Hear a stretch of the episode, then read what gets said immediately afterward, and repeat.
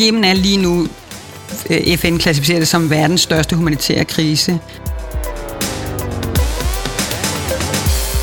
Og da vores, vores lokale medarbejder så det, så sagde hun, så blev hun, så blev hun bange, og de er ellers ikke bange, skulle jeg til at sige. Så hun, hun sagde sådan, nu kommer de, og nu skyder de os alle sammen.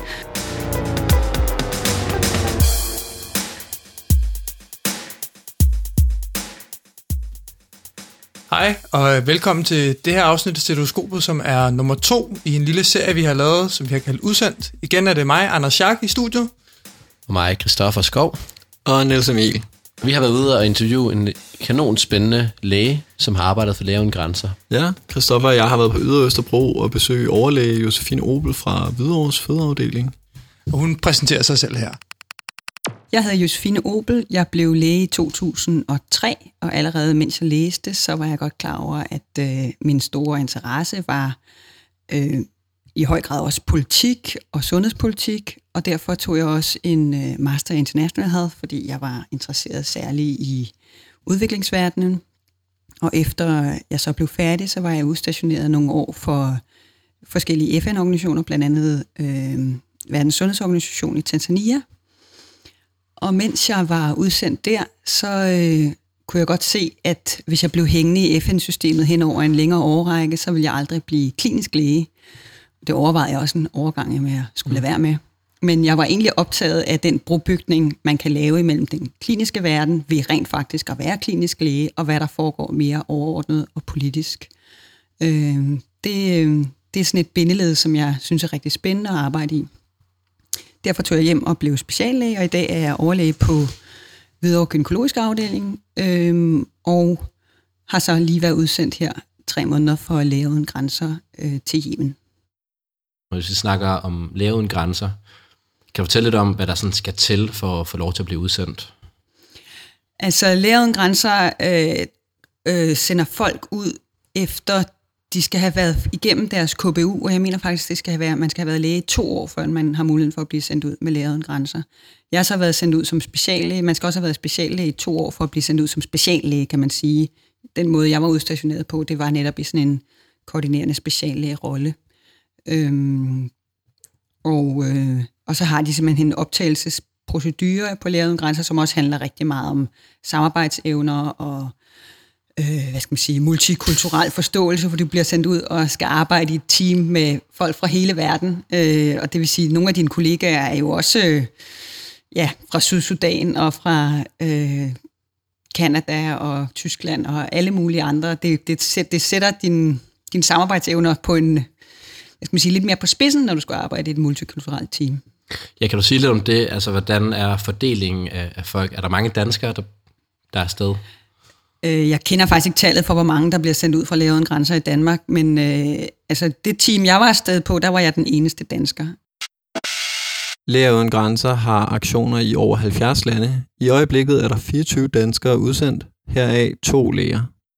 Øh, og typisk har man faktisk, særligt i sådan et sted som Yemen, hvor der er en stor sikkerhedsproblematik, en interesse i, at det skal være et team, der er sat sammen med nogle forskellige øh, nogle forskellige øh, nationaliteter. nationaliteter, lige præcis, ja. fordi hvis der er bor, altså på, lige præcis på mit hospital, var der sådan et helt strikt krav om, at der måtte ikke være mere end, jeg kan huske, det var en halvdel eller en tredjedel, der skulle være af kaukasisk oprindelse, fordi hvis vi var 10, så ville vi være sådan lidt mere hijacking-mål, ja. end hvis vi var en lidt mere spredt gruppe. Okay. Øh, så der var sådan nogle helt, og den, andet, den anden problemstilling er sådan noget som visum, altså ja. hvis du er af, af saudiarabisk øh, nationalitet, så får du ikke et visum af Houthi-regeringen til at komme ind og arbejde på den Houthi-kontrollerede del af, af, okay. af Yemen.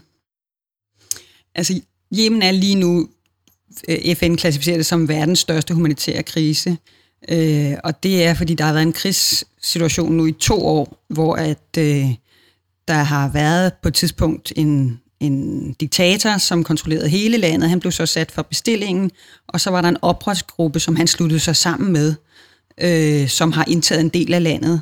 Og så er der den, den nye leder, kan man sige, der bliver støttet af Saudi-Arabien, som kontrollerer den anden del af landet, og Saudi-Arabierne og koalitionen, det vil sige også England og Frankrig, og måske også lidt indirekte Danmark, bomber øh, så ind i landet, og det betyder forskellige ting. Det betyder dels, at øh, hele statsapparatet bryder sammen, så der er ikke noget sundhedsvæsen længere.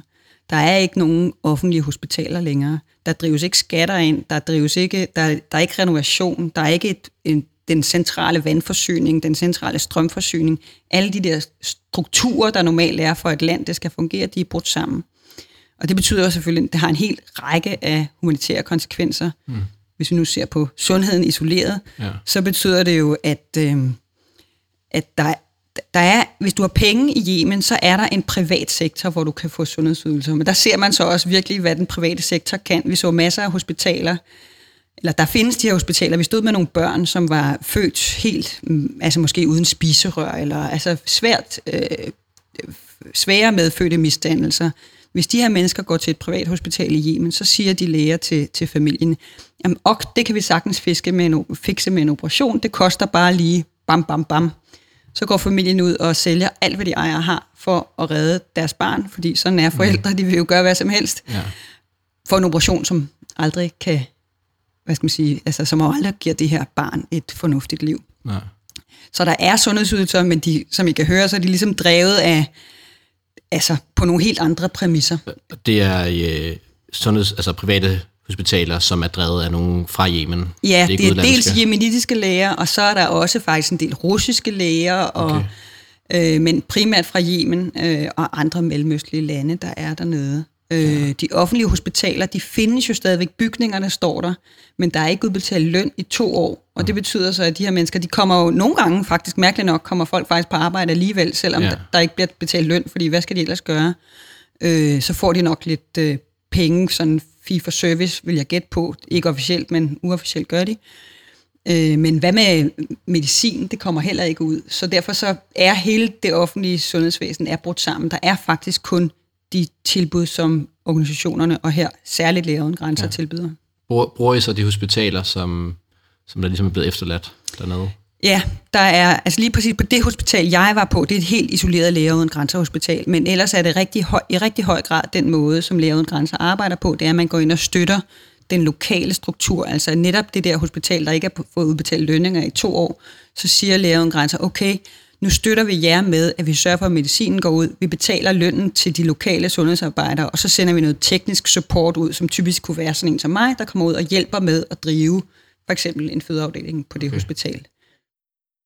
Det hospital, jeg har arbejdet på, det er et gammelt hotel, der er bygget om til hospital. Øh, og det er, altså, det er jo ikke egnet som sådan til hospital, men der har lavet en grænser, altså, øh, hvad skal man sige, jeg kan ikke, ikke sige renoveret, fordi det er ikke sådan, fordi det er fint og flot, men, men ligesom ommøbleret, sådan så at øh, de der hotelrum, de er blevet til sengestuer, og noget er blevet til operationsgang. Øh, en helt konkret ting for eksempel var, at det var en fireetagers bygning, og der var ikke nogen elevator.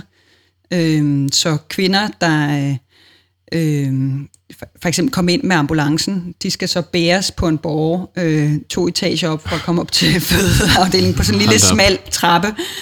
En dygtig portør. Øh, ja, meget dygtig portør, ja. Iltflasker, som jo vejer, jeg ved ikke hvad, de skal bæres op og ned. Øh, så hele det der trappeproblemstilling, det, det, det var ret, øh, det var en, en stor del af hverdagen. Det var overhovedet at få det til at fungere rent fysisk, ja. at rammerne ikke var, øh, som vi kender det herhjemmefra. Jeg var ligesom leder af fødeafdelingen dernede, mm. og jeg havde en gruppe af lokale kollegaer. Nogle var læger, og relativt yngre læger, og så var der en gruppe, som faktisk var hvad der i Yemen hedder speciallæge gynækologi. Når man bliver udsendt, så ved man så ikke rigtig, hvad betyder det at være speciallæge gynækologi i, i, i, i Yemen. Men de var faktisk ret dygtige, synes jeg. Øhm, og de, øh, de har selvfølgelig også været den velhavende del af den jemenitiske befolkning. Men det er på en eller anden måde, at det, man kan identificere sig. Altså det, det gør, at den, den situation, de er landet i, den påvirker mig eller en som dansker voldsommere end øh, end hvis de havde været øh, bundemænd i Sudan og boet på en mark i telt. Altså, deres liv har lignet mm. mit. Nu er det brudt fuldstændig sammen. De har måttet forlade deres hus. De har måttet lege et eller andet værelse ude i, vi kan forestille os, nordvest, øh, hvor at der ikke er strøm, og hvor der ikke er vand. Deres ja. børn kan ikke gå i skole længere. Deres sparepenge, de er ved at være brugt op. Ja. Så altså, og det, det er faktisk en del, synes jeg, af, af lige præcis den jemenitiske konflikt, som er ret voldsom, når man står der, det er, at du i den grad kan identif- identificere dig med, med de mennesker, du arbejder sammen med, som øh, har fået deres liv fuldstændig smadret i den her konflikt. Jeg arbejdede meget tæt sammen med de fem øh, speciallæger, der var Ja. ansat på hospitalet. Okay. Og de var alle sammen ja. i den situation. Ja. Ja. Altså, at de kommer alle sammen ind fra byen Tejs, som er en af knudepunkterne Ja. ja. i konflikten. Der kan man ikke bo længere, fordi nu der falder bomberne simpelthen øh, dagligt, og der sidder sniskytter på tagene. Så de har måttet simpelthen pakke deres ting Ja. øh, og, og flytte sig uden for byen. Og, og krig er jo noget meget lokalt noget på en eller anden måde, så selvom du ikke kan, du kan ikke bo inde midt i Thijs centrum, fordi der bliver bombet og der bliver skudt, men du kan godt bo 10 km udenfor, og det er der hospitalet ligger. Ja. Så så har de måttet flytte derud, og så har de måttet lege et eller andet midlertidigt at bo i. Ja. Øhm, og typisk jo er, altså, med, har jo ikke øh, de penge, som de skulle bruge til det og sådan noget, og priserne har sagt fordi, i, i vejret, fordi at, øh, pludselig var der mange, der gerne ville lege Ja. lokaler derude. Man skal ikke undervurdere, der er også mennesker, der tjener penge på, der er krig. Øhm, så, øh, så det var jo en ret, synes jeg, altså, det var faktisk ret voldsomt, fordi det i, i den grad er en gruppe Ja. ja. mennesker, som du, når du bliver udsendt som dansk speciallæge, kan, kan identificere dig med. Ja, og de må jo have nogle voldsomme historier med i rygsækken. Altså, det er jo mest imponerende, synes jeg, det er, hvordan man tænker jo nogle gange, hvordan fanden står de ligesom op i mor- om morgenen og smiler og bliver ved og går på arbejde, men altså, jeg blev meget imponeret over den måde, som folk kan tilpasse sig i en ny situation. Altså, øh, ja. at øh, jeg hørte aldrig nogen brokser.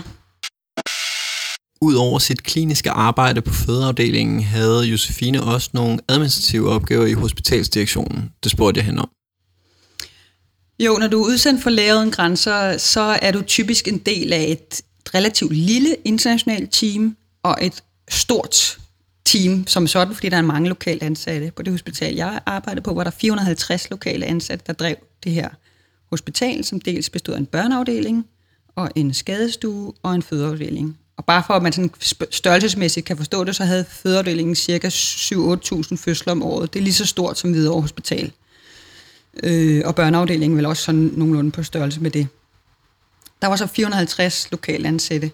Og så som internationalt udsendt, så er du dels har du en teknisk, hvad skal man sige, du er teknisk bagstopper på din afdeling. Du er egentlig ikke sendt ud for at selv at stå og operere og øh, stille diagnoser så meget, som du er udsendt for at støtte det lokale personale. Det er jo det, der er bæredygtighedstanken, det er, at jamen, det hjælper ikke så meget, eller det hjælper hun, det er virkelig en lille dråbe, hvis det er mig, der tager ned og hjælper kvinder i Yemen, men hvis jeg tager ned og uddanner noget personale, som kan hjælpe kvinder i Yemen, så har det en, en længerevarende effekt. Ja.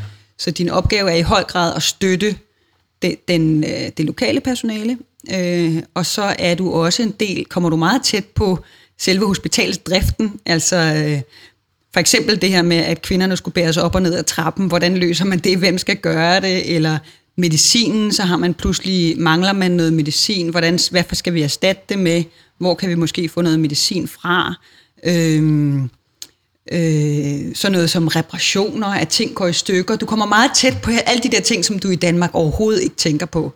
Øh, om øh, når, en, når et øh, operationsleje pludselig går i stykker, hvordan får man det så fikset?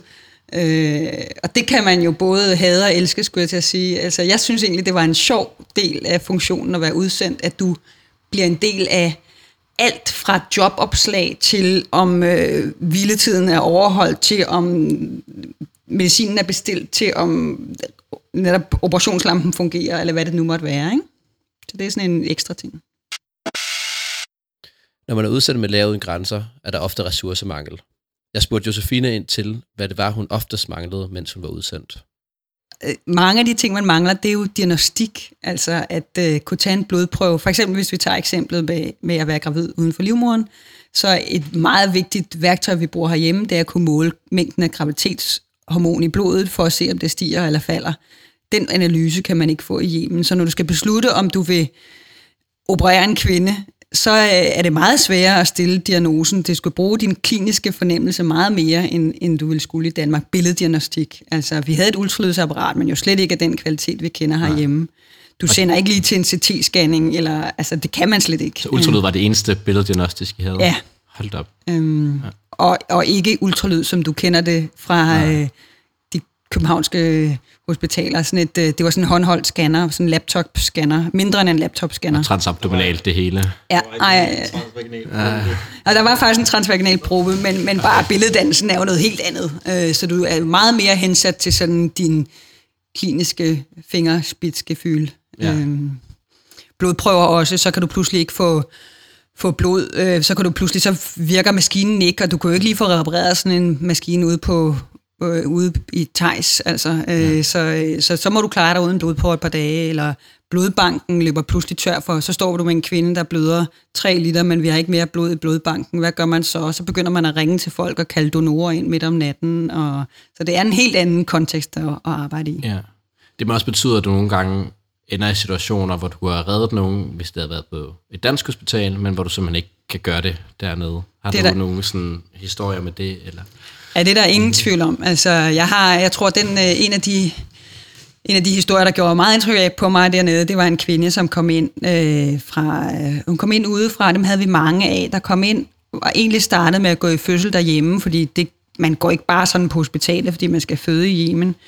Og mange får så også ude lokalt noget medicin af en eller anden tilfældig sundhedsarbejder. Hun havde fået noget V-stimulerende medicin, øh, og kom ind efter 15 timers fødsel, hvor hun havde hvor livmoderen var sprunget, altså det, der hedder uterusruptur. Dem så vi mange af, jeg tror, vi så dem i hvert fald en gang i ugen, af de her kvinder, som kom ind i den her tilstand, hvor med stor indre blødning ind i maven, og barnet lå dødt ude i maven. Øh, og hun kom ind i det, der hedder hypervolemisk chok, altså hvor hun havde mistet så meget blod, at, hendes, øh, at hun faktisk var ved at dø af det. Ja. Øh, og hende, øh, hende fik vi så øh, lagt på operationsbordet og opereret, og vi fik, øh, altså, så starter man med at fjerne barnet og moderkagen, og så kigger man på livmoderen og ser, om man kan redde den, så- altså om man kan simpelthen sy den sammen mm. og stoppe blødningen på den måde, og gøre det på en måde, som er sikker for hende også i fremtiden, fordi du, er også, du skal hele tiden tænke på, hvis hun bliver gravid igen, så er hun måske ikke i en situation, hvor hun lige kan få et kejsersnit, så derfor skal man være ret man skal tænke sig godt om, inden man efterlader en livmor som, med en risiko for, om hun får en ny sprængt Ja. livmor, for det kan faktisk slå hende ihjel i den næste graviditet. Så man tager stilling til, om man kan redde den livmor, eller om man skal fjerne den. Så vi valgte så på den her at, at fjerne livmoren. Og, øhm, og da vi gjorde det, så opdagede, så, så vi, så blæren var også fuldstændig revet i stykker. Det barnet var ligesom kommet ud igennem livmoren og blæren ud i maven. Øh, og den del af blæren ned imod øh, det rør, der forbinder nyren til, til, til blæren, altså ureter hedder det, det, den var overrevet. Vi kunne simpelthen ikke finde ureter på den ene side. Øh, og måtte så... Øh, altså det er jo noget, jeg aldrig vil stå med alene på et dansk hospital. Altså Nej. der vil jeg altid tilkalde en urolog, og der står du pludselig sådan lidt mutters og tænker, hvad, det har jeg godt læst om i en bog, hvad man gør nu, men, ja. men jeg har da aldrig prøvet det før. Øhm, og vi, øhm, men vi fik faktisk øh, lavet sådan en, øh, en, en anastomose, altså vi fik sat den, den vi fandt øh, den Ureterne. ure- ureter og få sat den op på blæren og, øh, og genet, altså, øh, syet blæren sammen, og vi fik fjernet livmoderen, og vi fik stoppet blødningen.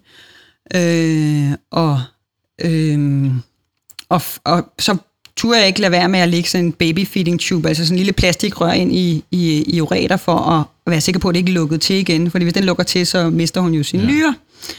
Øh, og øh, hun var indlagt en periode på en måneds tid, hvor at, øh, jeg tror tre gange, så tænkte jeg, nu dør hun. Øh, fordi at øh, hun fik faktisk øh, urin, der lækkede ud i maven. Det hedder uroplani. Og det, jeg har lært i skolen, det var, at uroplani, det skal man, øh, det skal man operere, fordi det, det dør man af, så får man kemisk peritonit, og så dør man. Øh, men så snakker jeg så med nogle... Øh, så, så har man faktisk, når man er udsendt, så har man sådan et øh, sådan en telemedicinsk konference, hvor man kan konsultere med nogle forskellige eksperter inden for 3. verdens sundhed, som sagde, altså hvis du opererer hende, så dør hun i hvert fald helt sikkert, fordi det, så, det kan du ikke øh, under de omstændigheder. Så, øh, så lægge et dræn ind, og så bare tømme det der urin ud, og så når det er tørt, så hælder det stille og roligt op.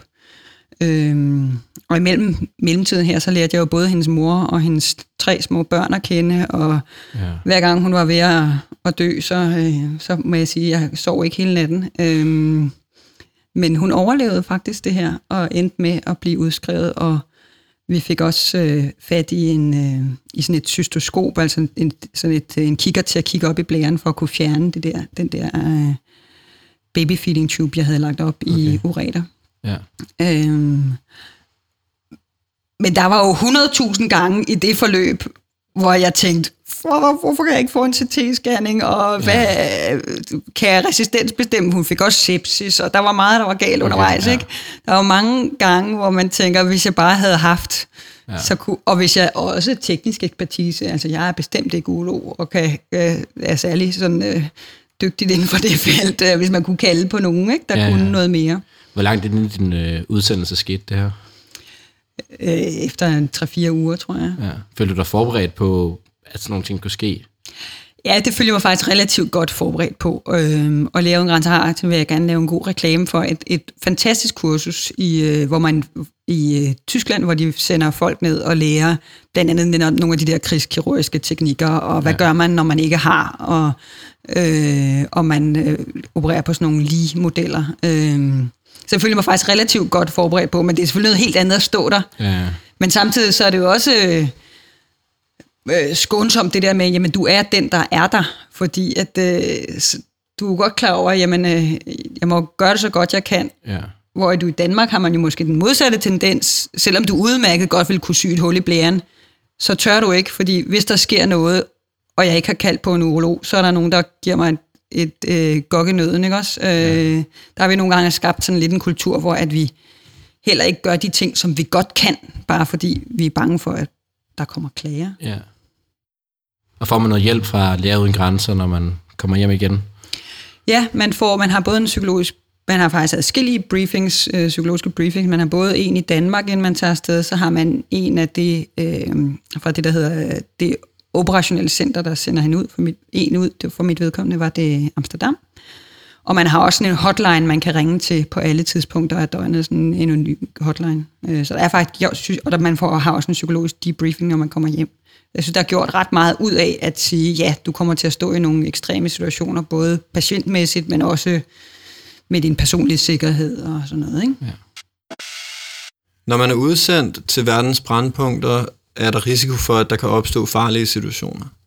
Vi spurgte Josefine, om hun havde gjort sig overvejelser med hensyn til sikkerheden under hendes udsendelse til Yemen.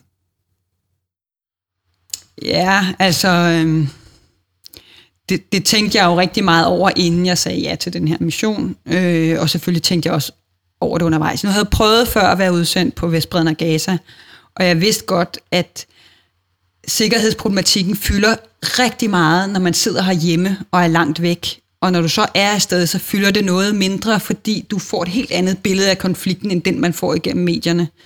Øhm, og, og det andet er, at de organisationer, der sender en ud, altså Læger Uden Grænser for eksempel, de gør jo sindssygt meget ud af sikkerheden for deres personale, fordi de kan slet ikke, man kan slet ikke drive en organisation, hvis, hvis at personalet ikke, deres basale sikkerhed ikke er garanteret. Nej. Så, øh, så min, min erfaring er, at de, hvordan kontrollerer organisationerne sikkerheden, det gør de ved at begrænse, hvad man kan. Altså øh, om hvor man må gå hen, hvornår man må gå derhen, hvordan man kan transportere sig, hvad man må have på, alle de der ting. Og det, ja. i virkeligheden er nok den overvejelse, man skal gøre sig allermest, er, kan jeg holde ud og leve med de her begrænsninger? Fordi du føler typisk, når du er udsendt, en af begrænsningerne, vi havde, det var, at vi måtte ikke forlade hospitalet, så vi i princippet jo i fængsel i tre måneder. Tre måneder ind på hospitalet? Ja. Hele tiden? Du bliver så efter seks uger, bliver du tilbudt øh, at blive fløjet ud i tre dage. Øh, men, men så det er jo sådan en fængselslignende situation. Det gør mig rigtig mange tanker om. Det synes jeg, det overhovedet var det værste ved at skulle, skulle være med til det her. Det var tanken om det der. Det er også fordi, det er lige på, på frontlinjen, når man må sige, lige ved krigen. Det er simpelthen lige på frontlinjen. Det hospital lå lige uden for Thais City, som den er den mest øh, aktive frontlinje i Yemen. Øh, og så er sikkerhedsforanstaltningerne bare rigtig skarpe. Altså. Øh, ja. Men... Øh, og det, men det andet er jo, når du så er udsendt, så ser du jo altså, at øh, jamen, dine kollegaer, altså jeg kunne stå og se fra mit værelse ned på gaden, hvor der var sådan et spændende øh, mellemøstligt liv med små boder og folk, der gik rundt, og så tænker man, det kan sgu da ikke være rigtigt, at de kan gå rundt dernede, og jeg ikke kan. Nej. Øh, så man, man er, sætter sig selv i en situation, hvor man, man har jo lovet at overholde de her sikkerhedsforskrifter, men undervejs, så gør du det flere gange, det gjorde jeg i hvert fald. Ja Det har jeg også gjort i mine andre udsendelser. Nogle tanker om, kan det virkelig være rigtigt?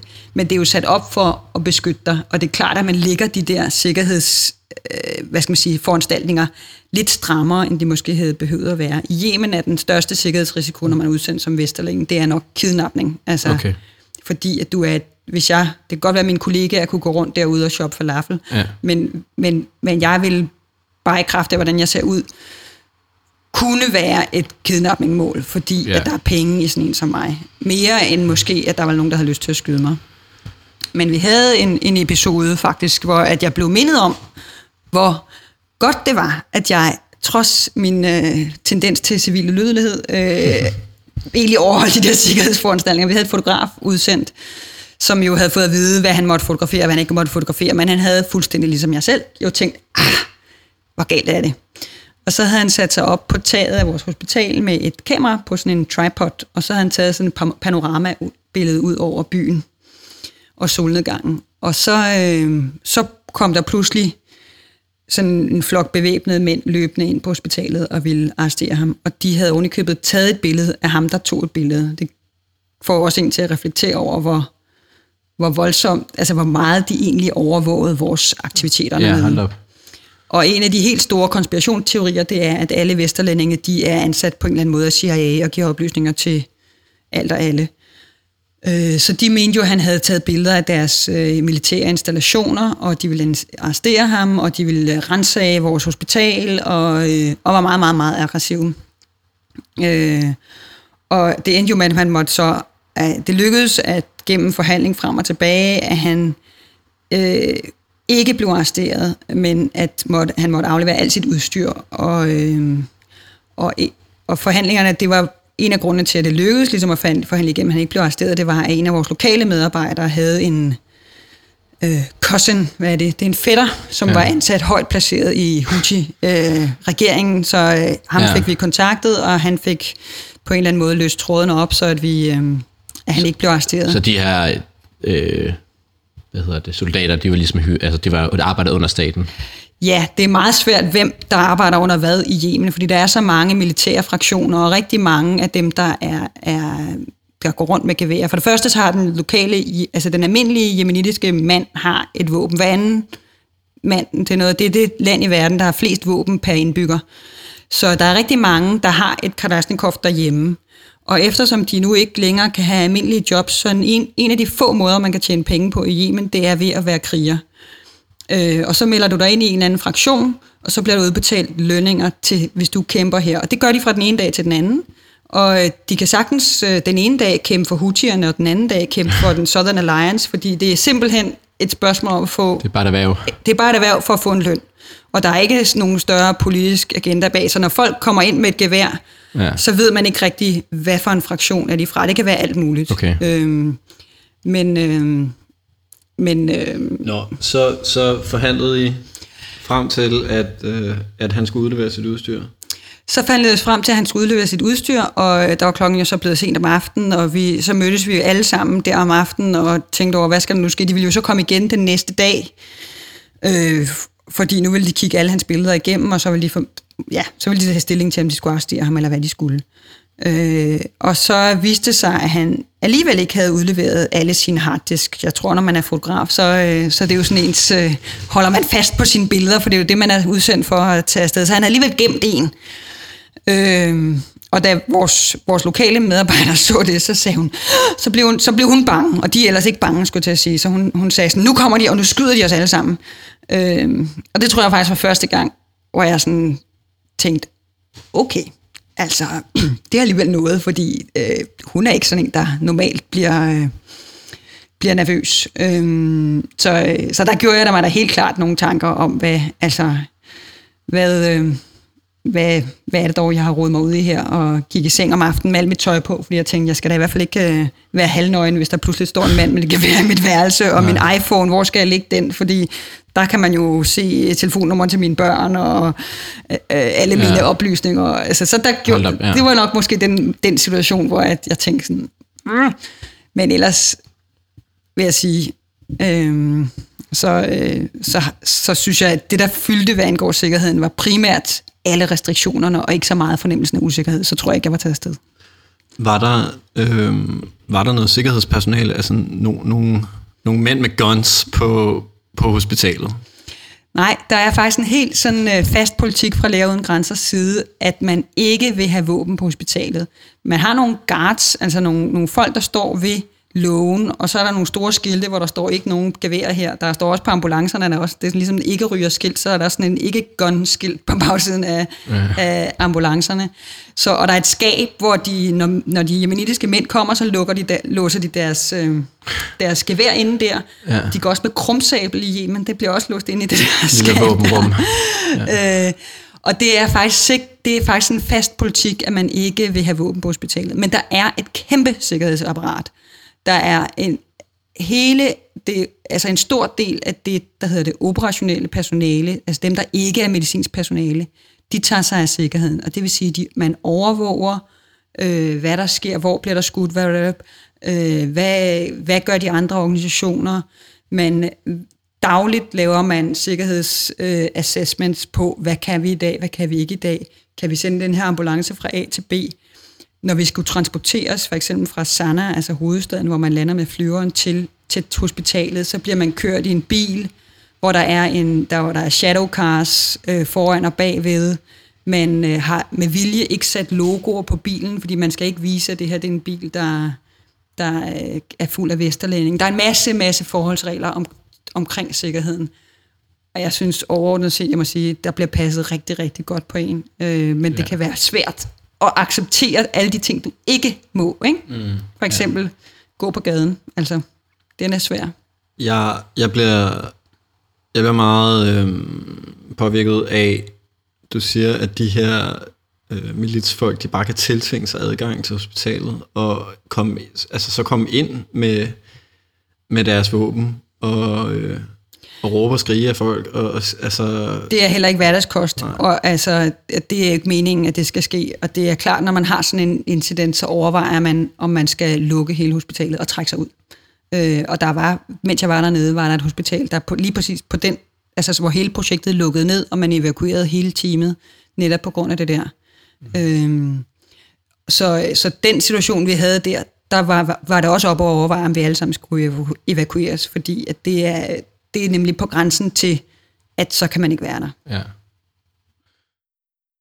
Øh, det her med, når du så kommer hjem, kan du godt finde til rette i dit almindelige arbejdsliv i Danmark, eller går du hele tiden ligesom og craver på at komme afsted igen mm. og få den her, det her rush af en, øh, hvad hedder sådan noget, en god følelse af at gøre det rigtige? Ja, det er sådan en blanding, ikke? Fordi at jeg synes også, der, altså, at jeg har været enormt glad, øh, glad i låget, skulle jeg sige, over at komme hjem og øh, være i Danmark, hvor alting fungerer. Men jeg bliver sådan lidt, øh, man bliver sådan taknemmelig over, jeg bliver taknemmelig over, hvor øh, sindssygt godt vi har det. Altså, ja. øh, og, og egentlig også taknemmelig over mit arbejdsliv og mine kollegaer, og tænker, jamen det hele er jo så godt, så at det der hverdagsbrok, vi man alligevel har tendens til at falde i, det, der er sådan en periode, hvor det hvor man er helt immun over for... Øh, så, øh, ja, man bliver nå, nå, tænker man, ja, ja, mm, bum, bum. ja. øh, så jeg synes egentlig, der er sådan en periode, sådan, der er sådan en lille honeymoon-fase for mig, efter ja. sådan en udstationering, hvor jeg, hvor jeg tænker, men det, det går jo nok, og det er alt sammen godt. Øh, men det er da klart, at, øh, at, at, at det er en mere... Øh, altså, der er meget kulør på det arbejdsliv, du kan have i sådan en udstationering, ja. og du, øh, du bliver givet et kæmpestort ansvar, øh, og det, det, det kan jeg også bestemt godt have en længsel ja. efter i hverdagen. Hvad er det værste ved at arbejde i Yemen i forhold til mm. Danmark, og hvad er det bedste ved at arbejde i Yemen i forhold ja. til Danmark? Hvis nu tager det værste, så er det jo så er det, det der med, at der er så mange ting, du ikke kan. Altså netop, at det er jo, som vi snakkede om før, der er ikke nogen blodprøver, der er ikke noget udstyr, der er ikke så videre, så videre. Der er en masse ting, hvor du synes, det ikke er godt nok. Øh, øh, og det bedste, jamen det tror jeg faktisk er det der med, at du får lov til at være læge på den måde, som rigtig mange af os troede, vi skulle være læger, dengang vi besluttede os for at blive læger. ja. altså at øh, du... Øh, du redder liv, og du gør det så godt du kan, og øh, du, øh, du har ikke sådan en anden pust i nakken af, øh, åh, har jeg nu dokumenteret det, og hvad nu hvis, øh, og så havde jeg ikke kaldt på mavetarmkirurgen, og så han også så efter, og alt det der, åh, som sådan bliver lidt træls i hverdagen. Den der øh, defensive medicin findes ikke på samme måde. Øh, og øh, altså, du er også meget tættere på øh, de ledelsesmæssige beslutninger, fordi du er en del af ledelsen på hospitalet. Øh, så det, det giver en, også en stor tilfredsstillelse i arbejdet, synes jeg. Ja. Så det er virkelig også en, en stor grad af tillid, man møder, øh, når man er ude. Det er en høj grad af tillid, ja. ja. Du er slet ikke betragtet som, at øh, du er nok ude på at skrive for meget overvej på, og øh, i øvrigt ikke behandle patienterne godt nok, og være lidt sådan drivert, eller du er tværtimod udsendt med en følelse af, vi ved, at du gør det så godt, som du kan, og vi bakker dig op hele vejen. Og det er en fantastisk øh, sammenhæng at arbejde i. Og som altid slutter vi af med en besked ud til vores lyttere fra vores gæst. I den her sammenhæng, så tror jeg, at man skal sige, at øh, Ja, man skal, hvis man har lyst til at tage ud i verden og hjælpe nogle andre mennesker, så øh, er det varmt at anbefale, og at øh, der er både en gevinst for alle de mennesker, du kan hjælpe, men der er også en kæmpe gevinst for dig selv ved både hvad du lærer og hvad du oplever, øh, og hvad du tager med hjem til det danske sundhedsvæsen faktisk også. Så øh, det håber jeg, at jeg kan inspirere nogle andre til at tage ud i verden, og i høj grad følge, hvad de der kan jo godt være en tendens til, nu ved jeg godt, at fireårsreglen ikke findes længere, men at øh, i hvert fald blandt medicinstuderende, at der er sådan meget motorvejs øh, checkliste for, hvor man skal nå hen, hvornår, og at øh, jeg tror i langt højere grad, at hvis man gør det, som man selv har allermest lyst til, så, øh, så tror jeg både, man bliver gladest, men øh, jeg tror også, man bliver den bedste læge. Det var alt, hvad vi havde for denne gang. Der skal gå et stort tak ud til Josefine Obel for at være med i, øh, i dette program. Vi håber, at I har nyt de her to super spændende interviews, hvor man virkelig har fået hørt nogle øh, historier fra fronten. Det har i hvert fald været sommerredaktionens indslag til jeres ferie, og vi håber, at de studerende blandt lytterne får en god start på det nye semester. God sommer.